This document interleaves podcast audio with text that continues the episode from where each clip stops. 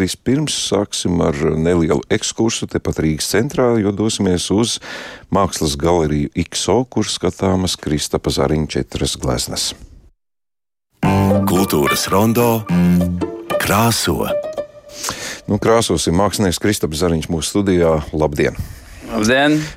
Krāsas ļoti bagātīgas, un es uzreiz atzīšos arī radio klausītājiem. Esmu pasviests zem smagās artērijas, jo neesmu paguvis klātienē skatīt jūsu četras gleznas, bet attālināti.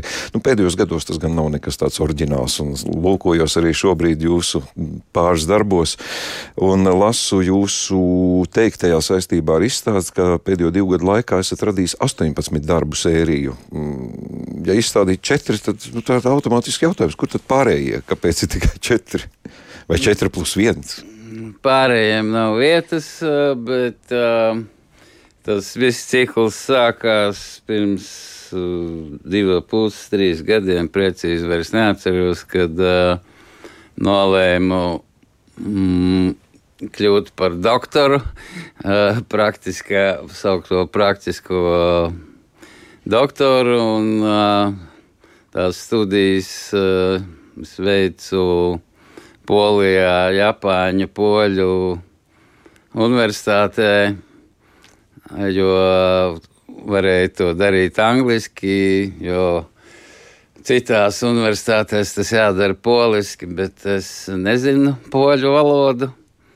Lūk, un šie darbi ir tā kā, nu, doktora darba ietvaros, tā ir savas mākslas, savu horizontu izpēte, kas, kur, lai klausītājs saprastu, praktiskā doktorantūra ir tas, ka mākslinieks šķirstot savu daļradi un radot jaunu kādu mākslas ciklu, to pēta, un pēc tam darba nodevums ir tā praktiskā daļa un arī rakstu darbs.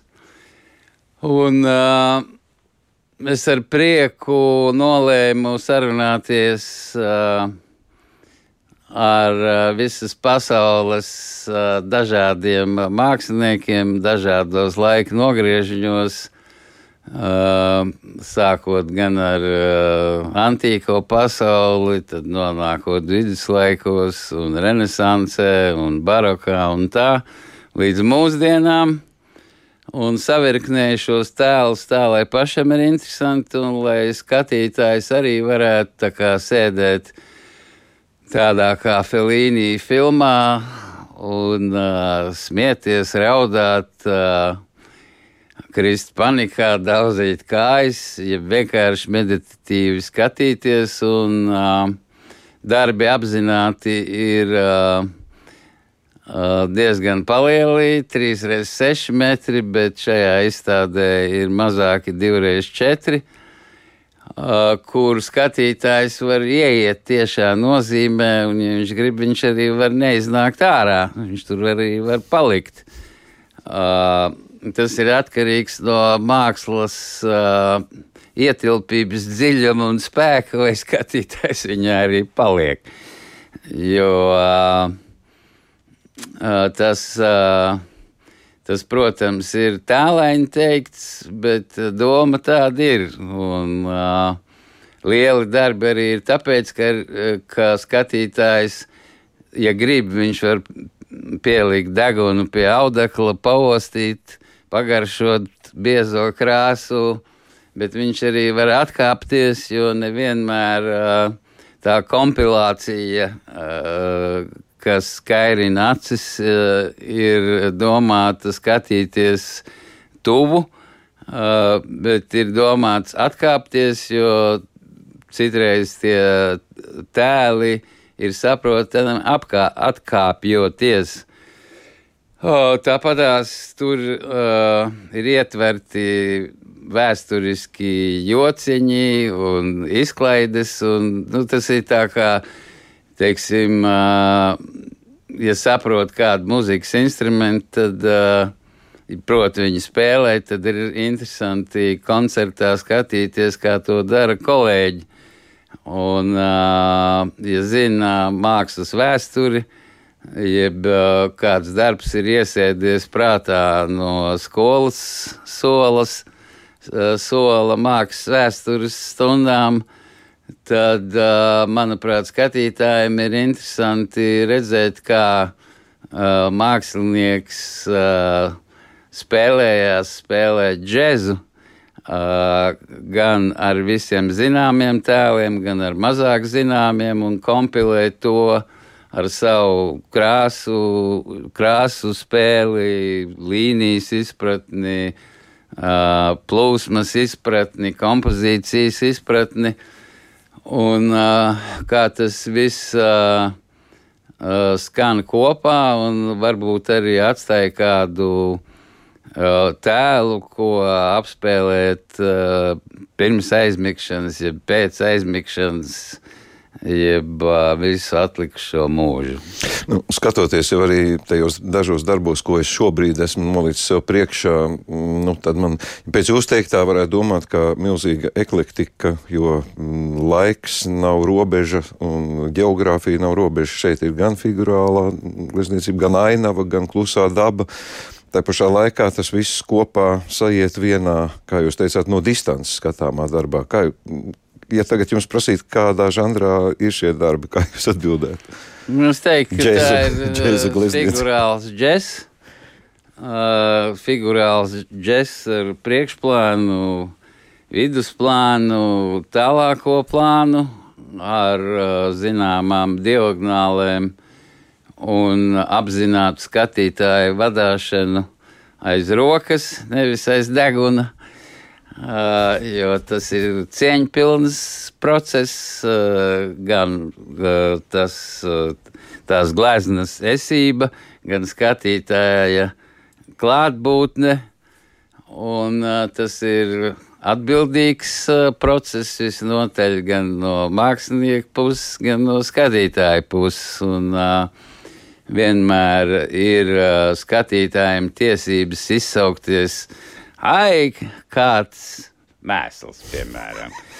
Vai tikpat labi skatītājs var izsaukties, vai cik skaisti un iepriecinoši, jeb arī vienkārši tā, ja tā vibrācija ir jūtama un skatītājs uh, vibrē līdzi, tad uh, mērķis ir sasniegts. Nu, viņš var vibrēt gan pozitīvi, gan negatīvi.